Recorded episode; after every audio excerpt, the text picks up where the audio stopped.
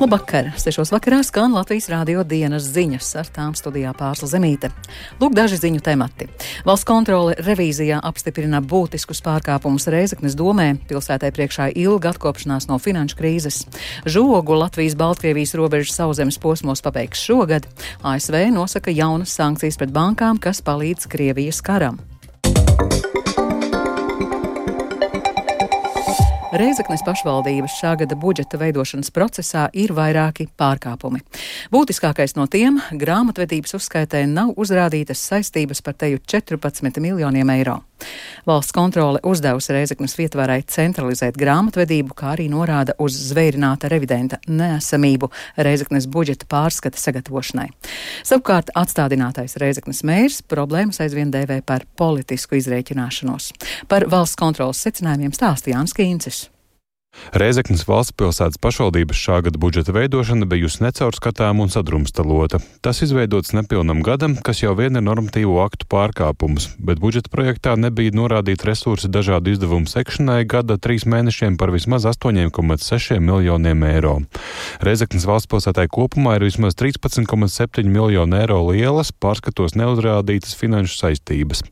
Valsts kontrolieris Edgars Korčagins to komentēja šādi. Situācija, kad nav nav skaidri procesi, nav skaidras atbildības. Kad grāmatvedība ir decentralizēta, nav brīnums, ka šāda situācija rodas. Revīzijas starpziņojumā par iespējamām problēmām finansiālo saistību izpildē ļoti bieži pieminēts vārds vismaz. Tam iemesls ir skaidru datu un budžeta vadības trūkums Reizeknē, kāpēc nav pilnas ticamas informācijas. Valsts kontrola gan konkrētu amatpersonu atbildību nav vērtējusi. Savā revīzijas ziņojumā tā norādījusi uz Reizeknas pilsētas pašvaldības vadības atbildību, nenosaucot konkrētus uzvārdus. Savukārt atstādinātais Reizeknas mērs Aleksandrs Bartaševits no partijas kopā Latvijai sarunā ar Latvijas radio atspēko visus pārmetumus. Problēmas Reizeknē sākušās, jo Finanšu ministrija vasarā neakceptēja pašvaldībai pienākošus kredītus jau sāktiem projektiem. Problēmas ar spā centra būvi gan viņš nemin. Gada nogalē budžetā liela daļa nesakārtoto saistību esot atrisinātas, arī jaunu revidentu cerot atrast jau janvārī. Turklāt Rēzeknas doma jau septembrī pieteicās Finanšu ministrijas kūrētam finanšu stabilizācijas procesam, bet nekas nenotiek, saka atstādinātais mērs. Visiem problēmām cēlonis ir Finanšu ministrāša radana tāda īpaša attieksme pret Rēzekni. Ja? Es joprojām apgalvoju, ka tas ir politiskais pasūtījums un politiski motivēta rīcība. Līdztekus valsts kontrolas darbam par iespēju iespējamiem pārkāpumiem Reizeknas pašvaldībā resorisko pārbaudu ar vien turpina arī korupcijas novēršanas un apkarošanas birojas. Jānis Kincis, Madara Bērtiņa, Latvijas radio. Reizeknas budžetā nākamgad varētu būt vēl lielāks deficīts nekā aplēsts līdz šim. Tie varētu būt 20% budžeta apjoma. Latvijas radio pastāstīja finanšu ministrs Arvils Ašerādens no jaunās vienotības. Tik liels deficīts ir nebijis gadījums, un Ašerādens pat neprognozē, cik ilgs laiks būs nepieciešams, lai pilsēta atkoptos no krīzes. Pašvaldībai dots laiks situācijas stabilizēt līdz 22. janvārim, un tad valsts varētu nākt palīgā.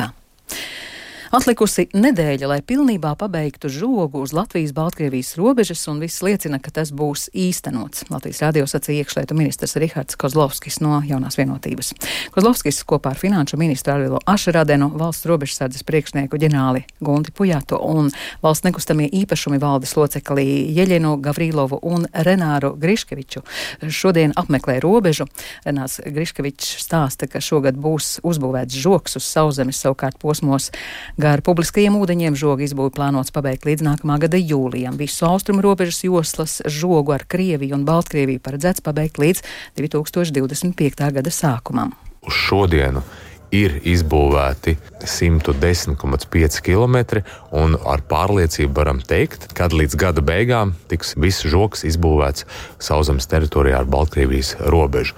Un tālāk jau nākošajā gadā mums jāturpina iesāktais, kas ir jāizbūvē vēl papildus 30 km žoks ar Baltkrieviju, purvainās teritorijās un pie publiskiem ūdeņiem.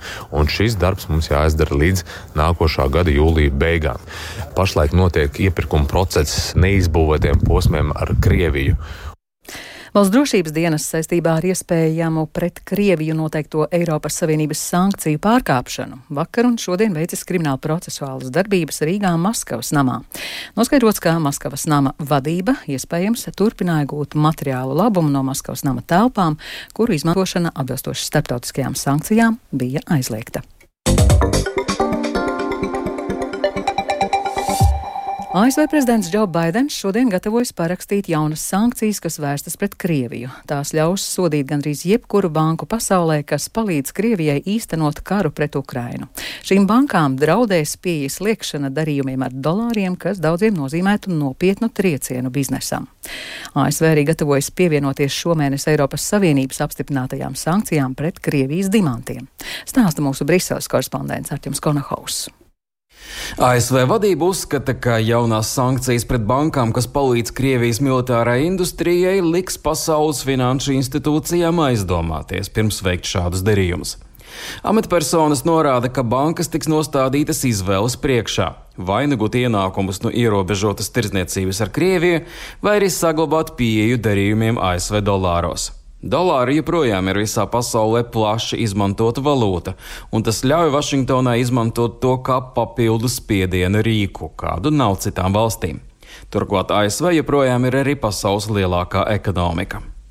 Tomēr Krievija pēdējos gados ir mazinājusi savu atkarību no ASV dolāriem, eiro un arī Japānas jēnām un arvien plašāk starptautiskajos norēķinos izmantot citas valūtas. Tostarp lielākās Ķīnas bankas ir izsniegušas Krievijai miljardus eiro vērtus aizdevumus joņās. Vašingtonas amatpersonas cer, ka lielākās ASV bankas varētu izdarīt spiedienu uz saviem ārzemju partneriem, lai tie pārtrauktu sadarbību ar Krievijas militāro industriju.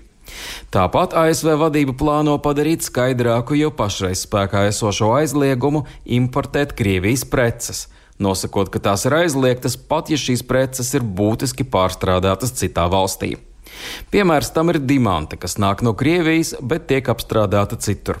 Šāda soli Vašingtona spēr sakojot tikko apstiprinātajām Eiropas Savienības sankcijām pret Krievijas dimantiem. Arcums Kanahās Latvijas Rādio Briselē. Čehijā rīt ir izsludinātas nacionālās sēras. Čehijā sēro par vakar valsts vēsturē nāvējošākajām masu apšaudē nogalinātajiem. Čehijas prezidents aicinājis valsts iedzīvotājus būt vienotiem. Vairāk Ulda Ķezbera sagatavotajā ierakstā. Acu liecinieki apgalvo, ka uzbrucējs nešķiroja cilvēkus, uz kuriem viņš šāva.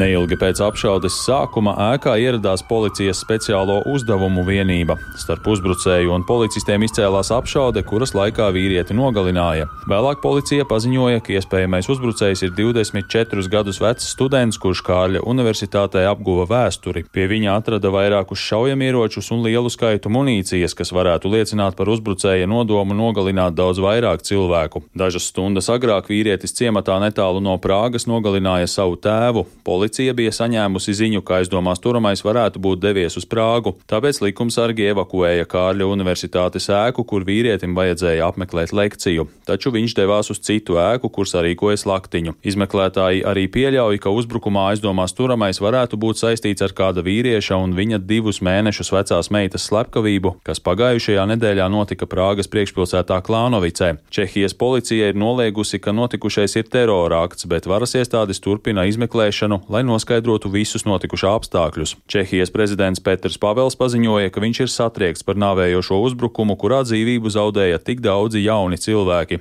Prezidents arī aicināja Čehijas sabiedrību būt vienotai šajā traģiskajā brīdī. Līdzjūtību Čehijai ir izteikuši daudzi ārvalstu līderi. Piemēram, ASV prezidents Joe Bidenis sociālajā tīklā X rakstīja, ka viņam ir žēl par tiem cilvēkiem, kuri zaudēja dzīvību bezjēdzīgajā apšaudē, bet Vācijas kanclers Olafs Šolts rakstīja, ka viņš ir dziļi satriekts par briesmīgajām ziņām no Prāgas. Čehijas valdība rīt ir izsludinājusi nacionālās sēras, to laikā pie visām ēkām valsts karogi būs nolaisti pusmastā dienestā, bet pulksten 12. visā valstī skanēs baznīcu zvani, bet pēc tam tiks ievērots klusuma brīdis pieminot uzbrukumā nogalinātos. Uldis Česberis, Latvijas radio. No šodienas Rīgā kursē pirmie pieci uzņēma Rīgas satiksme elektroautobusi.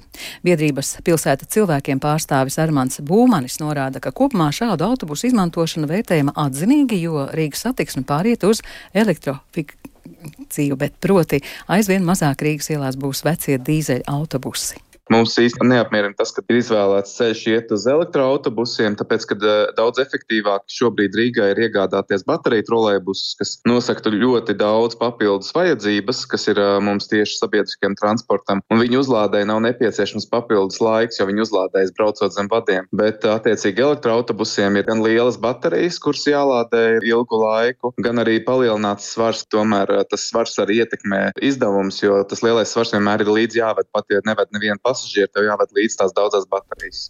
Jaunos elektroautobusus Rīga nopirkusi ar Eiropas Savienības kohēzijas fonda līdzfinansējumu un pirmo 35 elektroautobusu iegādēji plānotā maksimālā līguma summa ir 19,2 miljoni eiro bez pievienotās vērtības nodokļa. Kuldīgā atklāja grupu dzīvokļus cilvēkiem ar garīgās attīstības traucējumiem un sociālo pakalpojumu centru. Sociālo pakalpojumu centrs tilts izvietots senās būvēs, līdz ar to īstenojot projektu izdevies sakārtot vēl vienu ēku kompleksu pilsētas vēsturiskajā centrā, stāsta Kuldīgas sociālā dienesta direktore Sarmīte Segliņa. Šī zāle ir paredzēta gan pilngadīgajiem, gan bērniem. Līdz ar to, lai varētu vienlaicīgi notikt kaut kādas aktivitātes, tad šī siena ir aizbīdāma līdz galam un sadalāma. Šeit bija kara komisariāts. Sociālo pakalpojumu centrā tilts būs pieejami dažādi pakalpojumi, arī specializētas darbnīcas gan pilsētas, gan novadiedzīvotājiem. Par to vairāk stāsta centra vadītāja Līga Kuršinska. Šeit ir vieta, kur var satikties cilvēki ar garīgās attīstības traucējumiem un bērni ar funkcionāliem traucējumiem. Un ne tikai viņi, bet arī viņu ģimenes, nu, lai mēs skatītos uz nākotni. Šajā telpā būs kulinārijas nodarbības pieaugušajiem ar GRT. Šeit mēs kopā mācīsimies gatavot ēst, mācīsimies dažādas sadzīves prasmes. Tā kā es domāju, ka šī būs tāda forša vieta, kur klientiem daudz apgūt, kopā pavadīt laiku. Ēkai nodrošināta vides pieejamība, iebūvēts arī lifts nokļūšanai uz otro stāvu. Vienlaikus kuldīgā tiek atklāta arī grupu dzīvokļi cilvēkiem ar garīgās attīstības traucējumiem. Tā ir pārbūvēta ēka un pielāgota šim mērķim. Vēl par sportu. Latvijas 3 pret 3 basketbolistiem pirmā iespēja kvalificēties Parīzes Olimpiskajām spēlēm būs aprīlī Hongkongā. Tā šodien paziņoja Startautiskā basketbola federācija. Hongkongā Latvijas 3 pret 3 basketbolisti par vienu ceļozīmi pa uz Parīzi cīnīsies ar mainiekiem, arī Nīderlandi, Mongoliju, Austriju, Šveici, Ēģipti un Jaunzēlandi. Ja šajā turnīrā neizdosies uzvarēt, tad nākamā iespēja būs maija sākumā Japānā, bet pēdējā maija beigās Ungārijā. Latvijas 3 pret 3 basketbola izlases galvenais treneris Raimons Feldmanis Latvijas radio pastāstīja, ka komanda treniņus sāks uzreiz pēc gadumīs. Tagad es ar fiziskās vajadzības treneru Dāvu Peikneri iesaistīsimies arī mūsu fizioterapeitu Oskaru Urbanoviču. Nu, sagatavot programmu, grafiku, kā mēs gatavojamies. Ar eh, janvāri mēs sākam pilnvērtīgi lēnā garā gatavoties kvalifikācijai. Mēs tā kā fokusējamies soli pa solim pirmai kvalifikācijai, bet precīzi datums es vēl nezinu. No 5. līdz 14. aprīlim turnīrs, tas būs trīs dienas. Vakar uzzinājām, ka būs Hongkonga apstiprināja, tad es, nu, mēs sēdīsimies pie galda un es domāju, pēc uh, Ziemassvētku brīvdienām ar gaišu galvu runāsim, domāsim saliksim kopā. Bet domāju, ka noteikti brauksim kaut kādu nedēļu ātrāk. Un ar to izskan Latvijas rādio dienas ziņas. Producents Edgars Kupčs, ieraksts Monteira Nāša Steimanis par labski jūpējās Ernests Valds Fjodorovs, ar jums runāja Pārsla Zemīte. Vēlīs par svarīgāko valsts kontroli revīzijā apstiprina būtiskus pārkāpumus Reizeknes domē pilsētai priekšā ilga atkopšanās no finanšu krīzes. Žogu Latvijas-Baltkrievijas robežas sauzemes posmos pabeigs šogad, un ASV nosaka jaunas sankcijas pret bankām, kas palīdz Krievijas karam. Yeah.